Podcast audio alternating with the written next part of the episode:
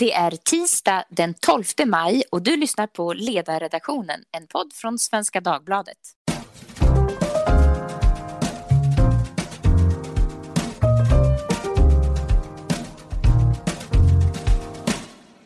Jag heter Maria Ludvigsson och idag talar vi om politiker som lämnar politiken. På eget initiativ, ska tilläggas. Ofta talas ju om politiker som en egen klass och om politik som ett slutet system. Den som går in i politiken via ungdomsförbund tycks bli kvar där resten av livet med bara några få pauser.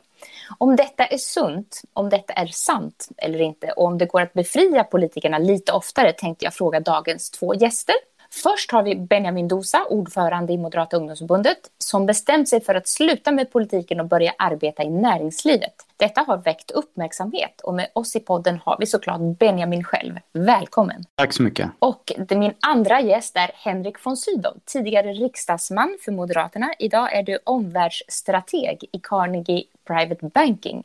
Välkommen du också. Tack för det, Maria. Omvärldsstrateg, det låter ju som någonting som egentligen skulle kunna jämföras med att vara just politiker?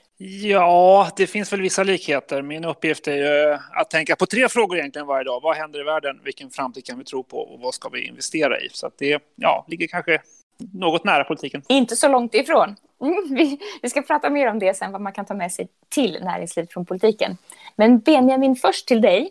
Eh, du har nu sagt att du ska sluta som MUF-ordförande och detta meddelar du och tillägger vad jag förstår att du ska sluta med politiken helt. Och det ställer ju genast två frågor. Dels varför slutar du? Och dels varför är det så viktigt att meddela att du lämnar politiken helt? Nej men när jag gav mig in i politiken för eh, 13 år sedan så har jag alltid stört mig på personer som med eh, näbbar och klor slåss för att bara behålla sina egna politiska uppdrag och ha som huvudsaklig politisk idé att helt enkelt sitta kvar i sina poster. Så att jag, jag bestämde mig också när jag blev eh, mer och mer politiskt engagerad att det ändå var viktigt att ha kompisar utanför eh, politiken, att det var viktigt att skaffa mig en, en utbildning och en formell examen. Eh, innan jag blev MUF-ordförande så jobbade jag en vända på SCB också, på deras makroavdelning. Så att jag hela tiden kände att jag kunde falla på någonting. Alltså att om mina medlemmar vill avsätta mig, då, då ska de kunna göra det och då ska jag ha någonting att, att landa på. Eh, det är många som inte har det i min generation, vilket gör att de, de blir inte lika modiga och, och de vågar inte säga vad de tycker ibland för att de helt enkelt mm. eh, måste värna sin, sin, sin eget eh, ja, format på bordet helt enkelt. Ja, just det. Det, det väcker ytterligare frågor, men jag tänker också på detta med eh, Finns det något, för du säger du har alltid tänkt att du inte ska vara för länge och du vill inte bli som de andra. Finns det något lustfyllt i detta, att du vill hellre gå till någonting annat, något som lockar ännu mer?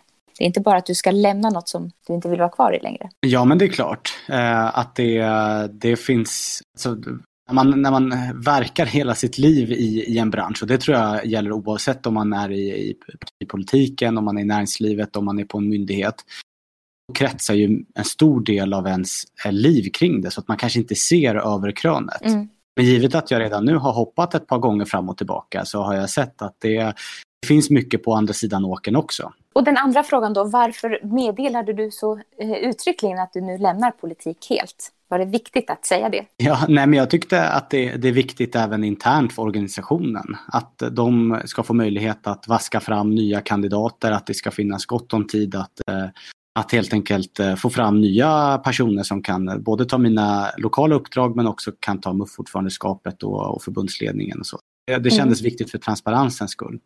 Just det. Men du nämner just detta att man med näbbar och klor vill hålla sig kvar. Och det blir, jag tycker det påminner om eh, den tråkiga delen av politik när man ibland tvingas försvara sånt som man kanske inte står för. Alltså det, partiet går framför idéerna ibland. Har du upplevt eh, sådana sprickor där det har fått försvara sånt som Moderaterna vill men som du kanske själv inte står för? Jag antar att man måste göra det ibland i politiken och att det kanske inte är så roligt. Så är det definitivt. Det skulle jag i och för sig inte säga är är det värsta. Jag, jag, menar så är det ju på, på ett företag också. Att det, man kan inte få igenom alla sina idéer utan man måste kompromissa. I politiken måste man kompromissa internt, man måste kompromissa med andra partier. Eh, det, är ju, det är ju så spelets regler ser, ser ut i någon bemärkelse. Utan jag skulle säga att det värsta är nog att eh, jag menar, på ett företag, om företaget växer och eh, vinsten ökar, då kan alla få högre lön, alla kan bli chefer, alla kan göra karriär samtidigt. Men i politiken så finns det bara, det finns bara en ordförande, det finns bara ett, ett eh, x antal platser till riksdag och, och, till en förbundsstyrelse och så. Vilket betyder att eh, det blir väldigt den enes död, den andres bröd. Ska min tårtbit bli större, då måste någon annans tårtbit faktiskt bli mindre. Man kan ju få fler riksdagsplatser om man får fler röster i och för sig. Ja, ty tyvärr är det inte så många som resonerar så, utan det, det är lättare att knipa någon annans eh, internt i partiet än att jobba för att hela tårtbiten hela tårtkakan ska bli större. Skulle du säga att det är snarare den sociala dimensionen som får det att lämna än den politiska? så att det känns, det, ni sitter ju inte i regeringsställning och du har inte varit med i regeringsställning och det kan ju bli tröstlöst i sig. Men är det snarare det, det spelet som kör att du är lite less på detta eller är det den politiska situationen? Nej, men po politiskt, jag, här, det är många som har försökt måla upp det här som att det skulle vara någon stor konflikt mellan mig och partiledningen. Men jag menar, jag tycker att jag alltid har sagt vad jag tycker i, i bra tider och i dåliga tider. Det, så här, tvärtom, jag håller nog inte med Moderaterna så mycket som jag gör nu, som jag gjort på, på många år. Eh, och även socialt, som sagt, det finns för och nackdelar både i och utanför partipolitiken. Utan det är väl mer att det finns andra saker som lockar. Mitt liv är större, och viktigare än, eh, än att bara förminskas till, till liksom att, att raska och bara behålla och kämpa för, för partipolitiska uppdrag. Det är väl så jag känner, att det finns andra roliga saker som man vill göra. Så det är, inte, det är primärt inte så att jag väljer bort, utan det är att jag väljer saker. Du går till någonting, det låter sunt. Eh, det finns ju också i politiska sammanhang, får jag intryck av, att man, en del lever sitt liv inom partiet. Att det blir eh, allting. Är det särskilt för den politiska klassen eller är det så i alla yrkesgrupper tror du? Svårt, svårt att säga, men det är klart att eh, just i, i, Sverige så kretsar ju mycket av politiken kring att man, man börjar som 15-16-åring i ett ungsbund, sen spenderar man 10-15 år där och sen kanske man kommer in i riksdagen och så fortsätter man göra politisk karriär. Och det är klart att då umgås man ju väldigt mycket och får kompisar i de här ungdomsbunden. Man kanske träffar en, en pojk eller flickvän som man sen senare i livet eh, kanske bildar familj med. Så det är klart att då blir det ju väldigt fokus på just det enskilda partiet. Man kanske inte träffar människor som har riktiga och vanliga jobb som inte är försörjda av skattebetalarna. Så att man får helt enkelt inte perspektiv på saker och ting. Samhällsproblem som man själv inte upplever kanske är enorma i, i det, det som beskrivs som verkligheten. Så det, jag tror att det är viktigt att, att det ändå finns möjligheter att hoppa fram och tillbaka. Och jag, jag är lite oroad över regeringen och Socialdemokraterna har pratat om den här typen av karensregler och sånt. Jag tycker att det bara är bra att man, att man försvinner ut i näringslivet. Jag har mer respekt för ministrar som har försvunnit och sen kommit tillbaka till exempel. Har du några exempel på sådana som är aktiva idag i eh, Moderaterna framförallt då som faktiskt har arbetat i näringsliv. Nej, men den tydligaste är väl Gunnar Strömmer som ändå som är partisekreterare för Moderaterna. Som kanske inte direkt i näringslivet men, men och delvis i, i samhällsdebatten som startade Centrum för rättvisa och jobbade som jurist och sen var eh, partner på, på, på en juristfirma. Eh, mm. så han var ju borta, han var ju fortfarande, var borta väldigt många år utanför partipolitiken, kom in ibland, gjorde lite gig, utvecklade politik för Stockholmsmoderaterna till exempel, men sen blev partisekreterare. Jag tycker att det är, han är ett föredöme på det sättet. Mm. Och han har ju mycket att ta med sig då också när han kommer tillbaka. En annan spaning här på livet i politiken det är att man kan säga att man kanske inte får Ja, man får naturligtvis vänner i politiken, men det är ju samtidigt kollegor som du säger också som man då konkurrerar med om samma poster. Det blir lite speciellt eh, liv för unga människor att leva i det där, att det som är dina vänner är också de som du på något sätt tävlar med om olika politiska uppdrag. Ja, är det sånt som gör att den politiska sfären kan vara bra att ta ledigt från ibland? Det, det tror jag definitivt. Eh, och tyvärr så har man ju sett, jag menar under mina 13 år i ungdomsbundet och partiet, att det är väldigt många kompetenta personer som av olika skäl eh, antingen tryckts bort eller själva valt att lämna som är väldigt kompetenta, drivna, ambitiösa som hade behövts i partipolitiken. Men som av just det skälet antingen tryckts bort eller själva valt bort eh, partierna. Så det, det, det tror jag är, är, tråkigt och jag tror att det behövs fler bryggor in till partierna. Jag menar, ska man komma in i riksdagen till exempel, då förväntas man dela ut eh, flyers i, i regnigt väder och koka kaffe i 15-20 år kanske innan man får en riksdagsplats. Det behövs bryggor för kompetenta företagare, kompetenta eh, akademiker till exempel att kunna få någon slags snabbspår in i partierna. Det där är ju knepigt.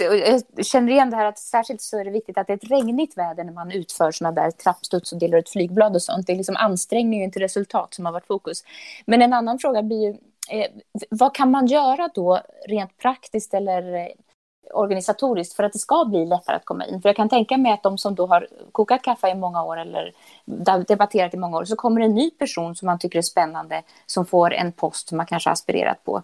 Vad kan man göra åt mer praktiskt för att det inte ska hindra människor från att komma in? Men där skiljer det sig enormt mycket mellan olika geografiska delar. Det är väl det som är Problemet med det här är att det är liksom partierna själva som måste ta ansvar för det här. Och i vissa, jag kan ju bara titta på mitt eget parti som jag har närmast relation till.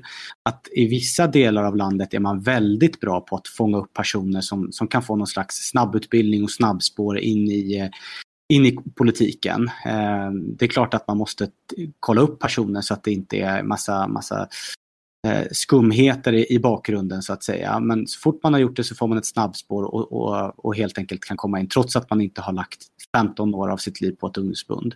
Medan andra delar, eh, länsförbund till exempel, inte alls är särskilt bra på det.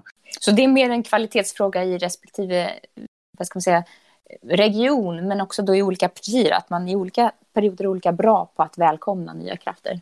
Exakt, jag tror att eh, nationellt så skulle fler partier behöva aktivt headhunta personer som man vill få tillbaka till politiken och utforma speciella snabbspår just för dem. Och det skulle sannolikt vara ganska impopulärt hos dem då som har varit med länge? Absolut, de skulle ju få sina uppdrag klippta så att säga. Ja, jag ser konflikten.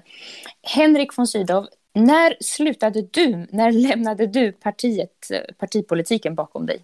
Jag lämnade som riksdagsledamot 2014. Jag blev invald 2002, så jag satt som riksdagsledamot i tre mandatperioder. Det var 12 år eh, som parlamentariker. Och vad fick dig att sluta? Hade du lust att gå till någonting eller skulle du bara lämna?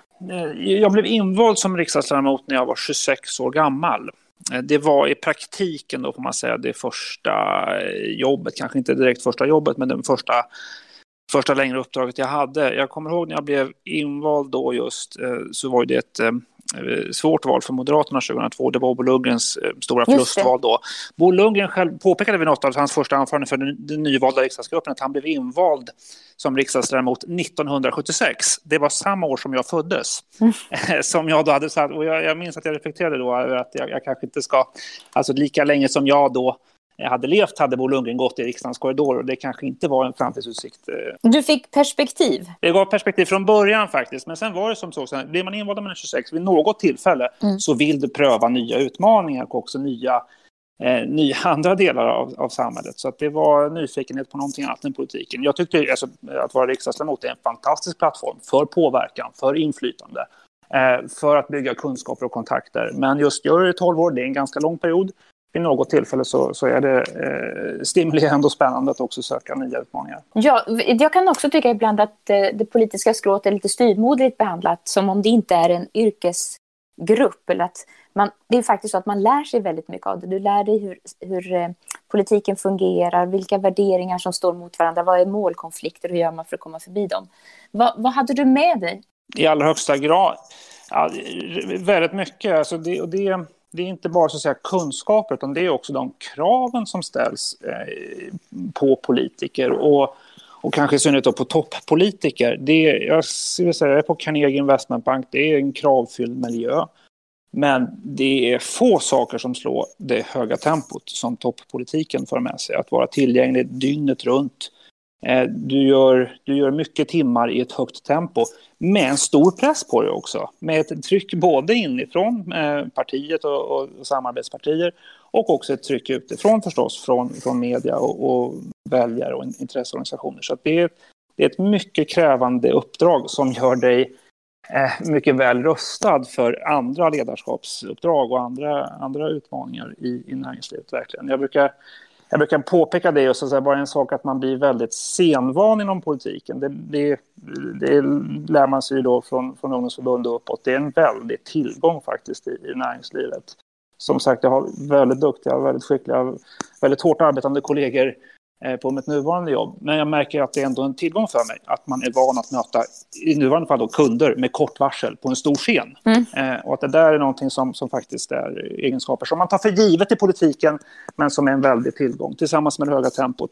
Tillsammans med att man alldeles uppenbart tar med sig någonting som ju är väldigt viktigt. Eh, för alla företag som, som är konkurrensutsatta att man tar med sig ett mycket brett nätverk som politiken förser med. Och det gör ju att du kan så att säga, affärsutveckla en verksamhet genom att addera eh, kontakter och, och eh, andra människor utanför det omedelbara så att säga, ekosystemet som, som eh, i det här fallet då kan EG är verksam i och finanssektorn direkt. Så man kan addera till väldigt mycket kunskap och kontakter och eh, med det också vara drivande i affärsutveckling. Jag kan tänka mig att du ofta måste svara på de helt omöjliga frågorna. Vad har vi att vänta och vad kommer hända inom politiken? Det där är ju jättesvåra frågor. Jag personligen tenderar att hellre svara på hur jag vill att det ska vara och det gör man ju som politiker. Hur har du hanterat detta nya att nu ska du veta vad som händer och inte vad du tycker borde hända? Det är precis motsatta mot vad du svarade, Maria. Din egen åsikt eh, spelar ingen som helst roll för, för, för Carnegies kunder. Utan det är snarare insikten eh, om så att säga, dynamiken i processen. Och det är inte så att vi försöker spå framtiden, utan vi tittar ju på vad är det för datum, vad är det för processer framåt som, eh, som politiken har att erbjuda som kan komma att påverka och skaka eh, finansiella marknader och påverka investeringsmiljön. Sen är det, det ska man ju också veta då, i det har ju varit eh, i, i vår tid, under den tiden som jag varit verksam på Carnegie, från 2015 och framåt, så har det varit, har ju så att säga liksom politiken spelat en allt större roll för, för, för eh, näringslivsmiljön och för investeringsmiljön och också för finansiella marknader.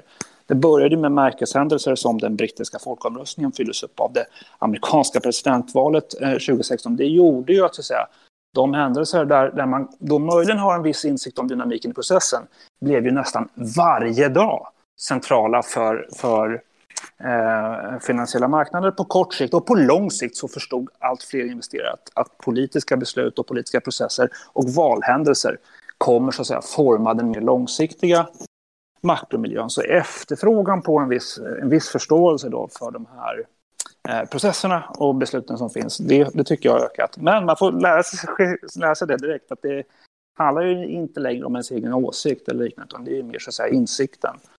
Saknar man inte det då? Man kan väl säga så här, jag, jag har andra eh, uppdrag och plattformar där jag kan få ge uttryck för det. Jag kommer precis från en lunch och styrelsemöte med stiftelsen Rättvis skatteprocess. Mm. Eh, som är ett exempel på hur jag kanaliserar engagemanget nu.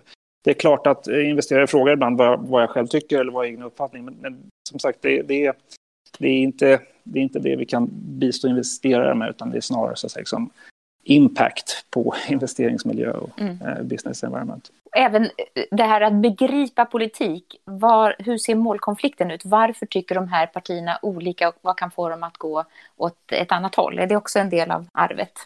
Eh, ja, det, det är väl ehm, eh, precis att begripa vad, vad är det för, om man vill om man vill ana hur det amerikanska presidentvalet spelas ut till exempel här nu. Vad är det för faktorer som är viktiga att titta på? Vad är det för led? Är ju som oftast då våra, som jag har lärt mig av många av de aktieanalytiker och bolagsanalytiker som, som jag jobbar tillsammans med att liksom identifiera. Vad är de drivande eh, vad är drivarna? Vad är det för faktorer som eh, styr den här utvecklingen som investerare ska titta på för att förstå mm. eh, utfall och eh, konsekvenser i detta? Så att man får jobba på ett ett eh, eh, litet annorlunda förhållningssätt. Mer att identifiera på de här faktorerna ska du kolla på om du vill ana eh, hur processen kommer sluta.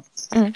Eh, vad skulle du säga om detta? Skulle du kunna tänka dig att någon gång gå tillbaka till politiken? Eller är man färdig med det? Nej, det, det kan, jag, det kan jag absolut eh, tänka mig göra vid, vid, vid, tillfälle som passar min tillvaro. Jag, jag är väldigt mycket för det att kunna gå, gå, gå fram och tillbaka. Jag har ingen Eh, vad brukar man säga? Jag har ingen, det finns ingen process för det, jag har ingen plan för det. I detta. Men vid något tillfälle så, så, så blir det kanske tillfälle för det. Kanske inte som riksdagsledamot, men i något annat form och uppdrag, möjligen. Det, det stänger man inga dunga dörrar för. Det tror jag är dumt. Jag såg kommentarer här på, i sociala medier, Benjamin, när du skulle sluta så var det någon som påpekade att you can check out anytime you want but you can never leave. Alltså, detta, du tror att du lämnar, men det finns någonting i det här eftersom det är engagemangsburet eh, som gör att det är svårt att helt lämna politiken. Vad säger du Benjamin, är detta bye bye forever eller kommer du tillbaka? Nej men det, det är klart att eh, lite som det Henrik är inne på och man kan väl lägga till också att eh, så här, i, i näringslivet, i akademin, i, eh, i sfärerna runt omkring just partipolitiken så, så är det ju, visst det, det tjänar pengar och det är bara viktigt för kunder men det, det är ju heller inte förändra samhället på samma sätt. Eh, och det var ju därför man som 15-årig någon gång faktiskt gick med i Moderata ungspundet för att eh, lite klyschigt göra skillnad på att dra Sverige i en viss riktning. Och just det kommer man ju kanske aldrig släppa. Det är ju definitivt på pluskontot. Det där finns ju också i näringslivet tycker jag. Just de här veckorna nu eh, har jag varit engagerad i att sätta upp eh, kapitalanskaffningsprocesser för svenska mindre onoterade bolag som har behov av kapital för att möjliggöra tillväxt i en svår tid. Eh, när vi lyckas med det så säkrar vi också så att säga, företagens överlevnad och, deras, och, och till och med kan ordna offensiva framtidsplaner som kommer att ha betydelse för ja, jobb och, och en positiv samhällsutveckling förstås. Det, det är väldigt konkret eh, då, eh, den insats som du faktiskt gör detta. Det är ett, har ett aktuellt exempel som jag faktiskt har reflekterat över. Att de här processerna och det som eh, Carnegie har bidragit med gör faktiskt då att i svåra situationer så blir, blir företag fortsatt livskraftiga och kan till och med ha offensiva planer framåt. Det kanske är en högre utsträckning något, du gör någonting exekutivt. Det här känslan av att i politiken vill man göra skillnad och nu gör du det eh, mer direkt. Jag vill säga att jag upplevde att jag gjorde skillnad i politiken också. Att det, det är inte bara retorik utan det blir ofta så att säga reella förhandlingar och, och konkreta resultat. Men det är av en annan karaktär att påverka så att säga, lagstiftning eller möjligen budgetpropositioner Eh, än ja, det jag just jämförde med som ju är väldigt påtagligt och väldigt konkret och väldigt omedelbart. Så säger jag Benjamin, du slutar som ungdomsförbundsordförande och i ditt parti så är ungdomsförbundet viktigt för idéutveckling. Det är väl så i många partier. Eh, vad, hur skulle du beskriva Moderaternas behov av ett ungdomsförbund som driver på och, och i vilken riktning? Är det några särskilda frågor du tycker är viktiga? Nej, men det, det är klart att det är ett, ett ungdomsbund som är modigt, som också är konstruktivt. Alltså det lättaste sättet för mig att nå ut i media är att kritisera Moderaterna. Det finns ju alltid en, ett, ett, eh, en balansgång där. Hur mycket ska man helt enkelt kämpa för att få ut Moderata ungdomsbundet och hur mycket ska man se partiets vilja och det bästa är väl om man kan vara konstruktiv och hitta eget innehåll så att säga. Och där, där har väl jag, jag menar, jag, jag har tjatat rätt mycket om det, men det området som jag ser, så här, jag tycker Moderaterna har bra ekonomisk politik. Jag tycker Moderaterna har väldigt bra bidrags och integrationspolitik. Men jag skulle säga att det utrymmet som, som MUF också har tagit och försökt driva på och där jag tror att man kan göra mycket mer, det är framförallt skol och utbildningsfrågorna. Där Liberalerna, där Moderaterna hade det under hela 90-talet, början av 00-talet, men tappade det väl lite när Liberalerna fick frågorna 2006 och framåt.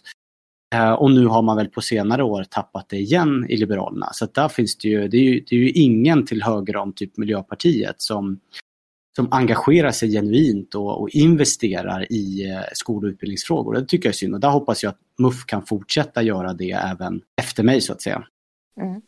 Eh, apropå affärer och att påverka. Ni har förstås läst om Sabuni de senaste dagarna och eh, det som har varit nyhet i Svenska Dagbladet. Hur reagerade ni på detta? Vi börjar med dig, Henrik. Eh, ja, eh, jag tyckte nog att... Eh, jag, jag har ingen riktigt kalibrerad uppfattning om det faktiskt. Jag tyckte väl att det...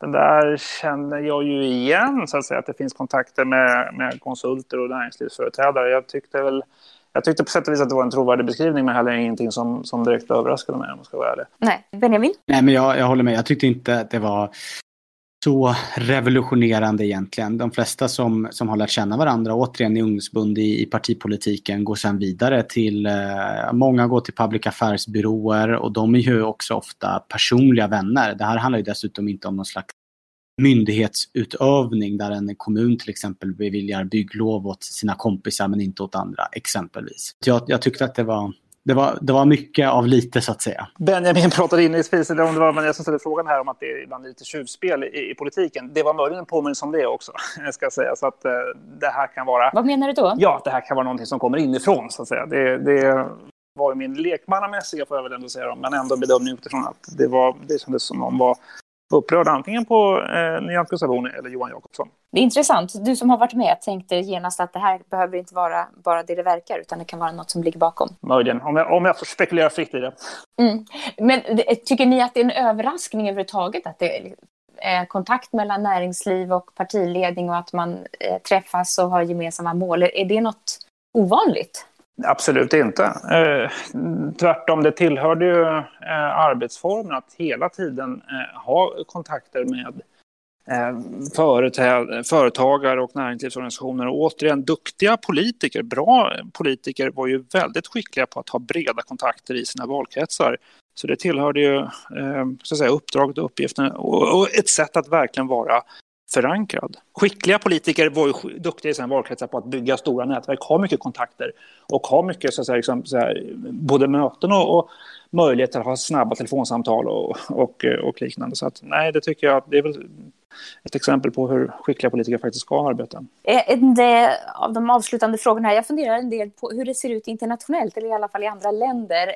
Sverige är ju känt för att man kan leva sitt eh, liv inom ett parti, kanske i synnerhet inom socialdemokratin, då, där man verkligen gör ett partikarriär. Är det så eh, typiskt fol eh, folkrörelse-Sverige eller är det så i andra länder också? Har ni någon spaning om det? Jag tänker Storbritannien eller USA. Jag, jag tror att Benjamin kan vara ett så att säga, tecken i tiden. Då, så att, säga. att vi ändå har ett exempel på en, en större rörlighet i, i Sverige på eh, övergångar mellan politik och näringsliv det, det, har ju varit så ett tid och det har också triggat den här diskussionen då om, om karantänsregler och liknande. Men nej, jag tycker, återigen kanske utan ett underlag, men jag tycker att eh, jag ser allt fler och fler exempel på att människor eh, lämnar och kanske också kommer tillbaka. Johan Persson, Folkpartiet, eller Liberalerna, om man ska hålla sig till det partiet, är ju ett exempel på, på just detta faktiskt. Alltså. Så att jag tycker att det blir faktiskt trenden är att det blir något vanligare och vanligare. Har du någon kommentar om det, Benjamin? Nej, men jag, jag kan väl hålla med om det. Sen, det är klart att alla länder har sin eh, politiska kontext. Eh, I USA så är det ju väldigt viktigt att man har en, en eh, lång utbildning, ofta har gjort eh, en eller flera svängar i näringslivet, kanske till och med startat ett eget företag. få har har bakgrund i liksom, ungdomsbunden till, eh, till Demokraterna eller Republikanerna. I Tyskland så är det ju, om man tittar på den tyska regeringen, oavsett partifärg så har ju nästan alla doktorerat. Eh, så det är klart att det, det skiljer sig ganska mycket mellan de olika länderna. Men som sagt, jag, jag hoppas att det, jag tror att det är väldigt farligt om man är, eh, gå med i, i SSU eller MUF som 15-åring, inte skaffa sig en formell utbildning, inte ens en dag jobbar eh, utanför partipolitiken och bara puttrar på helt enkelt. Man börjar som eh, ombudsman kanske och så fortsätter man hela vägen upp. Det är framförallt om man är förtroendevald, det är klart att på tjänstemannasidan så, så är det en sak, men som förtroendevald tror jag att det är viktigt att man får nya perspektiv och också blir det är viktigt för integriteten, att man vet att man har någonting att falla på om man får, får kicken av det egna partiet gör att man blir modigare och vågar säga vad man tycker. En avslutande fråga som kanske är den viktigaste. Vad kan respektive parti göra för att få in kompetens? Det finns ju mycket duktigt folk som, vi, som partierna är, är dåliga på att ta vara på. Det, det verkar vara svårt eh, människor vill engagera sig och säger ja, är du medlem börjar man kanske med att fråga då, eller vill du gå en studiecirkel? Men det här att hur gör man bättre för att få in, öka rörligheten med kompetens in i partiorganisationerna? Någon som vill hugga på den? Lite det, lite det jag var inne på, alltså ha färdiga snabbspår för, för personer som kommer, som kommer utanför. Och vadå, det är väl jätte, jätteintressant att ha, jag menar ta som landstings och regionpolitiken. Alltså vi har alldeles för få läkare och sjuksköterskor som, som är förtroendevalda som kan ta tag i de frågorna. Vi har alldeles för få poliser som ger sig in i, i politiken. Jag skulle säga att ett parti som faktiskt har gjort det här väldigt framgångsrikt de senaste åren, det är faktiskt Sverigedemokraterna som har liksom en nationell lista och så har man ansträngt sig för att faktiskt leta personer både på EU-listan och också till, till, till riksdagslistan för att hitta personer. Och de har ju varit, liksom, de måste ju göra det för att annars kan de inte fylla sina listor. Men, eh, men då, då har man haft liksom lite headhunting-strategier eh, och man har haft nationella utbildningar och satsningar för att eh, poliser till exempel snabbt ska förstå den politiska kontexten och dynamiken. Så att eh, fler partier borde göra så. Jag tror att den här tiden eh, allmänt, just de sista två månaderna, när vi nu börjar komma ur den första fasen här, så visar det sig att det här är en rätt bra tid att experimentera. Eh, och så säger jag inte minst att det är också en bra tid att faktiskt bygga nätverk. Så det där skulle man ju vilja, möjligen då vara intressant att se om man såg enskilda parlamentariker som nu var duktiga på så att, säga, att hitta nya former att bygga nätverk kring, sin, eh, kring sitt eget uppdrag med fler så att säga, referensgrupper och liknande. Det kan väl vara ett sätt att knyta upp eh, människor utifrån partier. Det har pratats om det eh, under en lång tid, men det skulle vara intressant att se om det eh, händer mer saker i en situation där man ställer nya krav på, på mötesteknik och så vidare. Ja, vi kan hoppas också att det är fler från näringslivet och från andra delar av samhället som kommer tillbaka till politiken eller in i politiken och då kan ha med sig arbetssätt för hur man gör detta på bästa sätt. Tack så hemskt mycket för att ni var med, Henrik von Sydow och Benjamin Dosa. Och eh, tack till er som lyssnade. Har ni några synpunkter eller idéer om vad vi borde ta upp och tala om så mejla oss på ledarsidan svd.se. Tack för idag.